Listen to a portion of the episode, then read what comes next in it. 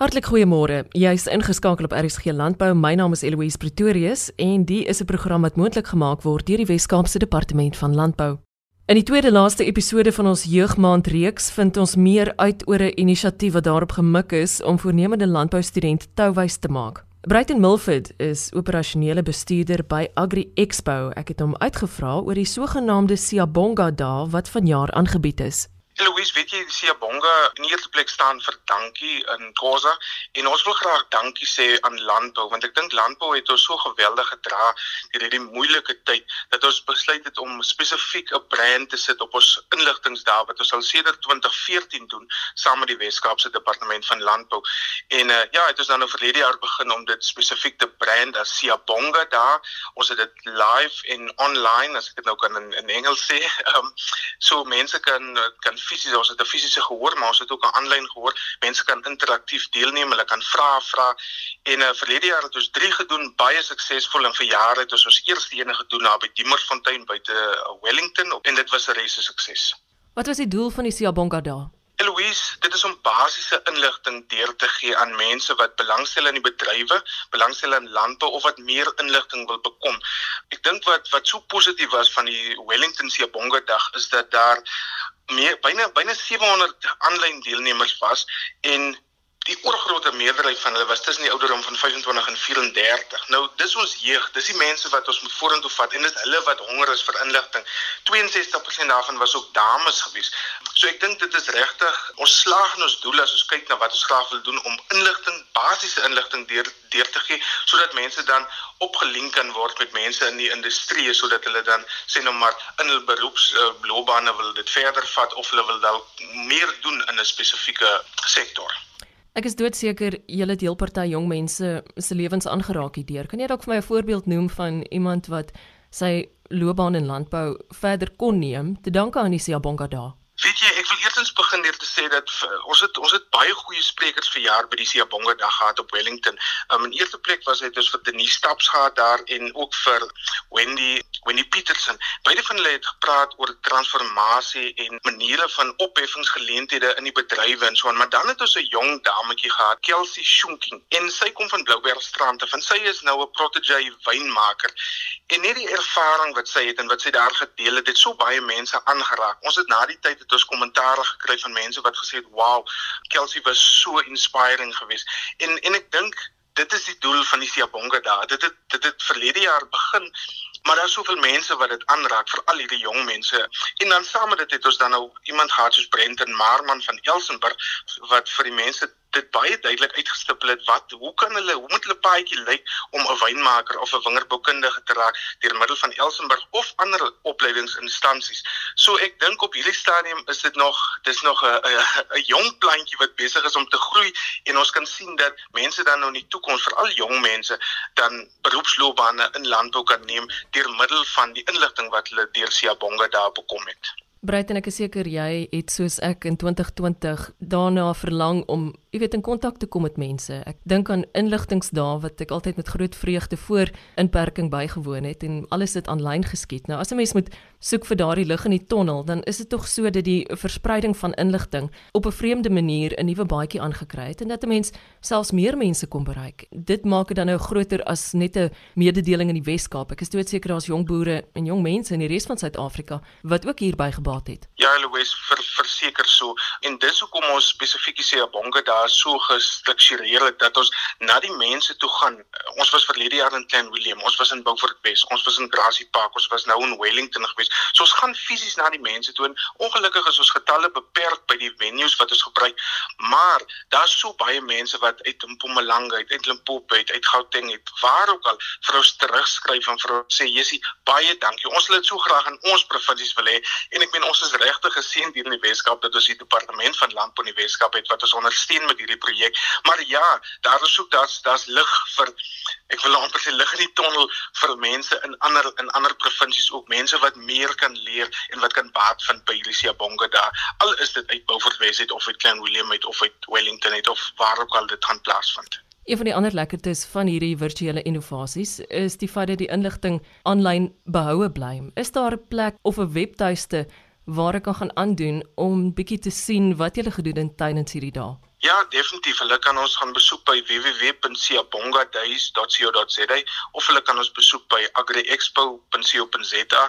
En uh ja, net om by te voeg daarby, ek dink dat dit is die wenresep van die Siabonga daar is dat mense na die tyd weer na 'n Kelsey kan gaan luister of na Denise kan gaan luister. Die byna 700 mense wat die dag ingeskakel het, het nou baat gevind daarbey, maar daar's nog steeds mense wat daagliks baat vind daarbey. So ja, definitief beskikbaar by siabongadays.co.za of dan by agriexpo.co.za. Wat is julle planne vorentoe met hierdie projek, Bruiten? Eloise, ons wil dit baie graag nog uitbrei. Ons gee spesifieke tema vir elke dag. So ons doen dit ook baie om, om versigtig. Ons wil nie net 'n dag hou om 'n dag te hou nie. Ons wil ons wil spesifiek dit koppel aan iets soos nou in die wynbedryf. Die wynbedryf het baie kry steeds baie swaar. So hier is 'n Siabonga dag wat geleenthede vir transformasie, geleenthede vir bemagtiging uitwys, geleenthede vir jeug uitwys. So ons beplan nog 'n klompie, maar dit dit gaan gespesifiseer word of het sy op bedrywe of het sy geleenthede wat die landbou bied. So ja, definitief sal julle nog meer van ons sien deur die loop van die jaar en uh, ons sien baie uit na die volgende Siabonga daar wat dan aangebied gaan word. Breiten veronderstel, ek het nog 'n vraag of twee, of ek het moontlik iemand in gedagte wat ek dink werklik waar baat kan vind by hierdie dae. Hoe kan ek moontlik hierdie gesprek verder voer met jou? Weet jy, hulle kan my enige tyd kontak by 0827085939 of hulle kan my 'n e-pos stuur by breiten@agriexpo.co.za. Is dit Breiten met 'n E N of 'n O N aan die einde? B R E I T O N. Breiten Milford is operasionele bestuurder by Agri Expo. Dr Chris van Duyk is uitvoerende hoof van die MPO of Melkprodusente Organisasie en is onlangs verkies tot voorsitter van die Nasionale Dieregesondheidsforum of NDGF. Ek wou meer by hom hoor oor die betrokke liggaam asook hulle doelstellings. Eloisia, baie dankie vir die geleentheid om vandag te kan gesels, maar jy weet ek dink dit is 'n die Nasionale Dieregesondheidsforum. Jy weet as ons gaan kyk na die naam, dis basies 'n groepering van 'n klomp rolspelers. Jy weet eerstens is dit nasionaal. Met ander woorde, dit beteken nie weet dis nie net 'n Gautengse ding of 'n Wes-Kaapse ding nie, dis 'n nasionale funksie wat ons vervul daar. En dan ook die die woord forum. Jy weet forum is basies 'n gesprek 'n gesprekgroep of 'n groep van rolspelers wat bymekaar gekom het met 'n gemeenskaplike onderwerp. En die gemeenskaplike onderwerp is dieregesondheid. Jy weet ons besin daaroor Ehm um, ons is ehm um, uiteindelik nadat ons besinne daaroor as 'n eenvormige groep kan ons dan nou in in kontak tree met die staat en veral met die staat. Weet die gesprek oor diere diere gesondheid is baie belangrik dat ons daai gesprek met die staat moet hê. Maar die diere gesondheidsforum, weet die die veterinêre strategie, dis 'n strategie wat al in 2016 geteken is. Ehm um, veterinêre strategie 2016-2026 is basies die riglyn waarop al ons um, aktiwiteite geschoei is baie belangrik binne in daai strategie is voedselsekerheid. Jy weet, ek dink voedselsekerheid en saam met dit voedselveiligheid is van uiterste belang. Jy weet, in ons ons veeartse in die land speel 'n baie belangrike rol hierin en en dis waaroor die hele veterinêre strategie gaan. En dan is dit ook um, gekoppel aan die doelwitte van die sogenaamde One Health projek. One Health projek is 'n wêreldwye projek weet wat gaan oor gesonde diere, dit gaan oor 'n gesonde omgewing en dan um gesonde mense. Weet en dis uiteindelik waar waarna ons streef en dit is ons drywers binne die veterinêre strategie. Ja, ek het nou kort genoem, jy weet dat dit 'n gespreksforum is, maar ek dink dit gaan oor koördinering, dit gaan oor interaksie en dan is ook 'n klompie sogenaamde assosiaatlede, jy weet wat almal 'n belangrike rol speel. So dis ek sê altyd my voorbeeld het te gebruik, jy weet ons is almal in dieselfde kamp. Die kamp is, is die land Suid-Afrika en aan die een kant het ons die staat en aan die ander kant het ons dan die die private industrie. En dit gaan om dit te ko koördineer en te fasiliteer, wie die samewerking tussen hierdie groepe, eers tussen die verskillende groepe self, ehm um, die wol en die bokhaar en die rooi vleis en die melk en so aan, en dan uiteindelik ook ons interaksie met die staat. En dan gaan dit ook oor die bevordering van verhoudings. Jy weet, ek dink verhoudings binne in hierdie omgewing is baie belangrik. Jy weet of dit 'n groot of 'n klein um, organisasie is of dit laboratoriums is of dit insetverskaffers is. Ons is basies met hulle almal in gesprek. En dan natuurlik, jy weet as dit nodig is, ons ondersteun definitief, maar as en wanneer dit nodig is, jy weet dan openeer ons sake. En dit gaan alles vir, vir my oor die belangrike ding van diere gesondheid, siektebeheer en dan uiteindelik, jy weet wat ek nou voorheen ook genoem het, voedselsekerheid. En dan natuurlik, jy weet al die wetgewing en goeders, um, so ja, ons is betrokke by 'n 'n klomp van hierdie wette, klomp van die wette word nou oorgeskryf en ons is betrokke by die goed dan nou, jy weet om seker te maak dat ons uiteindelik, jy weet dat ons 'n uh, 'n werkbare situasie kan kry in die land wat wat diere gesondheid betref. Is daar dalk een of twee van julle interessante projekte waaroor jy op hierdie stadium kan kommentaar lewer? Louis, ja, ons is um, soos die veterinêre strategie is dit basies gebou op op vyf pilare. Ek dink die eerste pilaar ons dieregesondheid. Jy weet daar werk ons byvoorbeeld aan baie nou saam met die staat met hierdie sogenaamde jong veeartse, die CCS veeartse wat pas gekwalifiseer het. Hulle word buite geplaas en ons um, werk baie nou met hulle saam en ek dink in daai gemeenskapsjaar kan hy baie baie belangrike rol speel wat dieregesondheid betref. Ons kyk na die wetlike aspekte, die opdatering daarvan wat ek reeds genoem het. Maar dan dink ek van die projekte wat wat ons definitief 'n leidende rol saam met die staat speel, is onder andere siektes soos back and claw, um, besmettelijke misgeboorte, en dan 'n ding wat nou sy kop uitgesteek het en, en op die stadium 'n redelike groot probleem is is um, Afrika varkpes. En dan jy weet in die wild en goed ook kyk ons na beheerde siektes by buffels en so aan. Dan die ander pilaar is natuurlik publieke gesondheid, voer en voedselsekerheid. Jy weet wat ons um, saam met afmaal onder andere daar werk. Um, van die goed wat waarna ons kyk is antimikrobiese middelweerstand en baie belangrik die voorkoming daarvan. Um, 'n derde pilaar is die laboratoriums, jy weet die daar self in die laboratoriums om seker te maak dat hulle die die toetse kan doen wat hulle moet doen. Ehm um, vierde been is die identifikasie van die diere en dan ook die produkte en dan baie belangrik ook die naspeurbaarheid. Jy weet daar's ons betrokke by die sogenaamde livestock identification and traceability program, die LITS program. Jy weet dis 'n ding wat al redelik begin vlerke gekry het, maar wat ons baie baie gou in plek sou moet kry, jy weet om seker te maak dat ons onder andere byvoorbeeld weet um, weer ons back and claw vrye status kan terugkry. En dan die ander een is natuurlik dierewelsyn. Jy weet daar werk ons saam met die um, lewende hawe welsyn koördineringskomitee saam met professor Gerrit Baas. En dan die die laaste ene wat ons dan bygesit het by die vyf is kommunikasie. Kommunikasie baie belangrik, weet wat ons opleiding gee vir veterinêre tegnisie, vir veeartse en en uiteindelik bring ons hierdie hele groep van wat ek reeds genoem het, die rooi vleis, die skape, die melk, die bokhaar, die veeartsvereniging, um, die dieregesondheidsmaatskappye en so om en dan natuurlik die pluimvee ook uiteindelik bymekaar.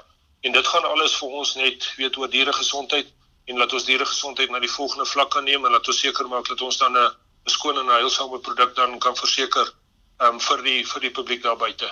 Nou, daar word die afgelope ruk heelwat klem gelê op die welsyn van diere, veral op melkplase waar daar intensief geboer word, maar is Suid-Afrikaanse melkprodusente op standaard wat hulle produksie diere se welsyn betref? Chris, wat is die huidige stand van sake op ons melkplase? Louis as ons um, oor die dierewelsyn praat en spesifiek op melkplase waar jy weet waar ek nou nader aan die aan die vuur sit, dink ek jy weet as mense gaan kyk dis uit 'n suiwer ekonomiese oogpunt. Is die diere op ons melkplase een van die hulpbronne wat ons dan nou gebruik om onder andere gras en dan ander rou rou materiale, jy weet konsentrate en so aan om te skakel na melk en uiteindelik jy weet as dit nou by die um, uitskotkoeie kom ook na vleis toe. Maar jy weet dit is nie so eenvoudig dat ons ons het 'n baie baie definitiewe verantwoordelikheid. Jy weet eerstens om genoegsame voedsel te verseker Maar saam met dit het ons ook 'n baie 'n definitiewe fundamentele morele en 'n etiese verantwoordelikheid. Jy weet, ek dink eerstens teenoor die diere wat in in ons sorg geplaas is, maar dan ook teenoor die verbruikers van die produkte. En dis vir ons hoekom dit ons vir ons so belangrik is om op 'n konstante basis te kyk na diereversorgingsbeginsels, te kyk na dierewelsyn, dit almekaar te evalueer en almekaar aan te pas, weet soos wat dit nodig is. Wat is die verskil tussen dierewelsyn en diereregte en hoekom is dit belangrik om die verskil te verstaan? Lees as ou gaan kyk daar dan dink ek moet ons eerstens gaan kyk, jy weet, wat is die basiese definisie van dierewelsyn? Basiese definisie weet is is die toepassing van weldeurdagte en is belangrik jy weet daai woord weldeurdagtig. Ehm um, ons moet definitief aandag gee en gaan kyk na die wetenskaplike beginsels agter dit. Dis nie net jy weet um, om 'n koei rustig te kry nie. Hy jy weet die, ons kyk na die vyf um, sogenaamde uh, vryhede of freedoms wat hulle van praat. Um, 'n dier behoort nie honger te wees nie, hy mag nie dors wees nie, hy mag nie ongemak hê nie, hy mag nie pyn hê nie.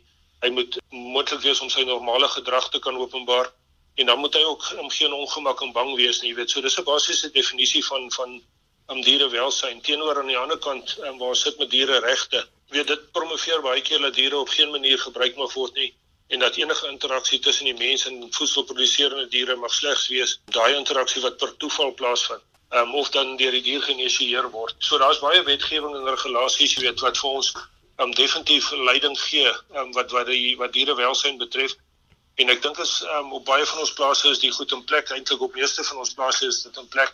En ons soos dag tot dag, soos ek gesê het, weet ons um, herëvalueer, gaan terug na die tekenbord toe en pas aan op 'n gereelde basis om seker te maak dat ons die goed in plek, in plek hou en dat ons dit uiteindelik weet dat ons dit kan vorentoe vat en dat ons met die die veranderinge wat wêreldwyd ook plaasvind, weet dat ons dit ook na Suid-Afrika toe kan bring.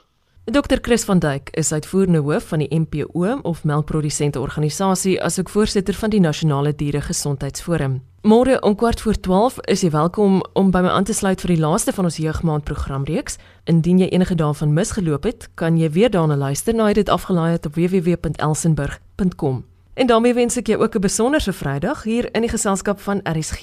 Ek is Eloise Pretorius. Totsiens.